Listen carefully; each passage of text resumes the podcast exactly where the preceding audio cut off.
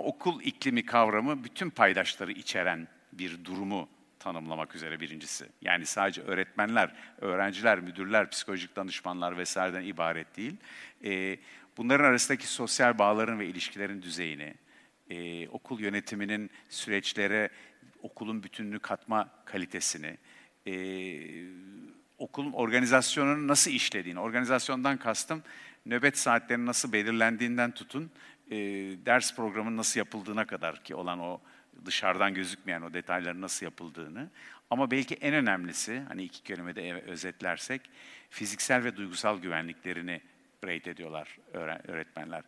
Duygusal güvenlik ve fiziksel güvenliği tek bir kelimeye özetlersek, başkalarına güvenebildiğimiz bir yer mi?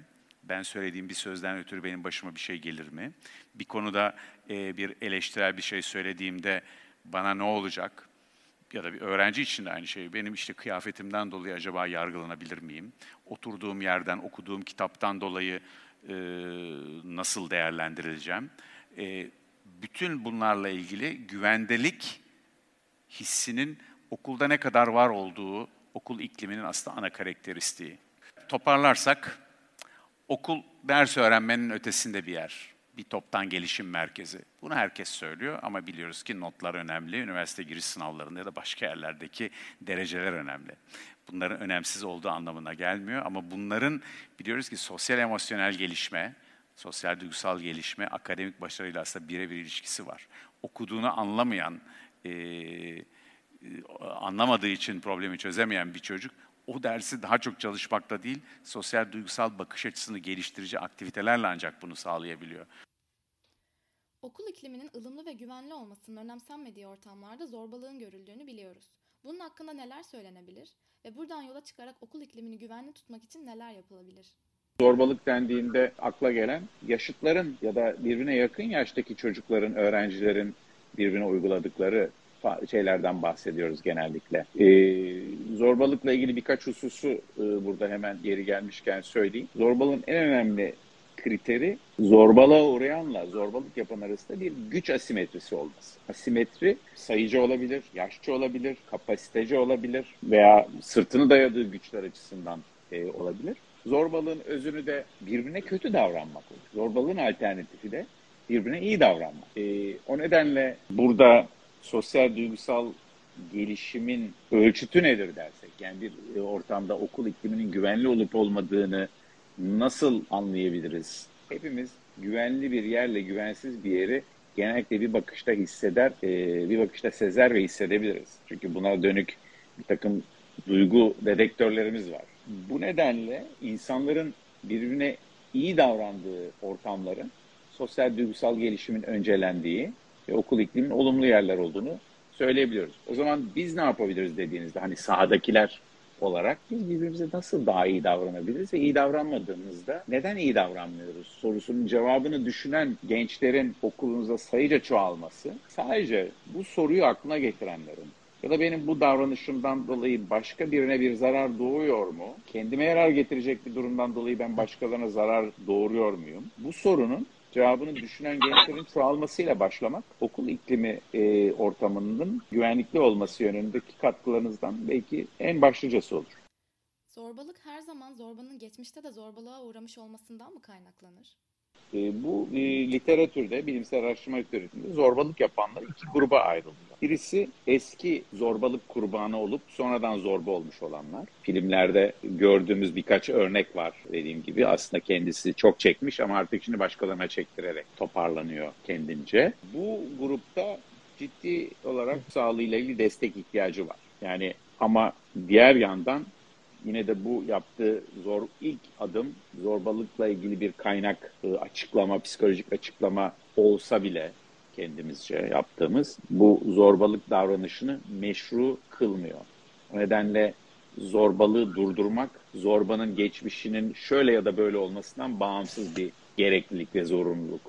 İkinci basamak zorbanın durumunu kendisinin nasıl daha iyiye gidebileceğine odaklanmak oluyor.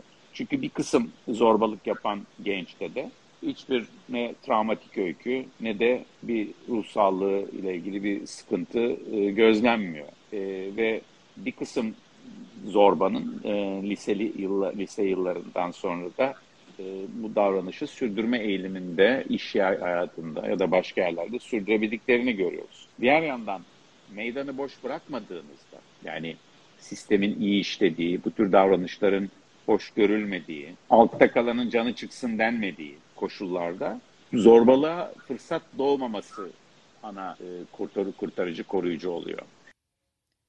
Zorbalık uygulandığına şahit olan kişiler bu durumu önlemek için ne gibi adımlar atabilirler? Zorbaca davranan kişinin sırıtması gerekiyor. Okul iklimi, okulun işleyişi içerisinde zorbalığın kabul edilemezliğinin hissedilmesi çok mühim. Zorbalığa uğramak bir kabahat değil.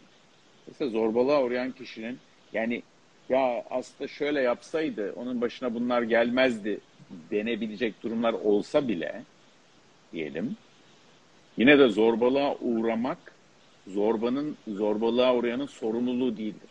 Zorbalığa tanık olmak yani başka birine yapılan bir haksızlığa, başka birine yapılan bir ezici davranışa ve bunun asimetrik bir ilişki içerisinde gerçekleşme, güç asimetrisi ilişkisi içerisinde gerçekleşmesine seyirci olmak başlı başına travmatik bir olay. O nedenle zorbalık varken kenarda duranlar, yani başını başka tarafa çevirenler, ya ne yapabiliriz ki bizim elimizden ne gelir ki demek diyenler, aslında zorbalığın getirdiği travmatik ruhsal durumu sarsıcı etkiden e, onlar da etkileniyorlar. O nedenle zorbalıkla e, diyelim ki mücadele dersek buna kabaca, zorbalığa uğrayana düşen belki hani bir görev varsa bu durumun zorbalık olarak yaşadığını söylemek geliyor.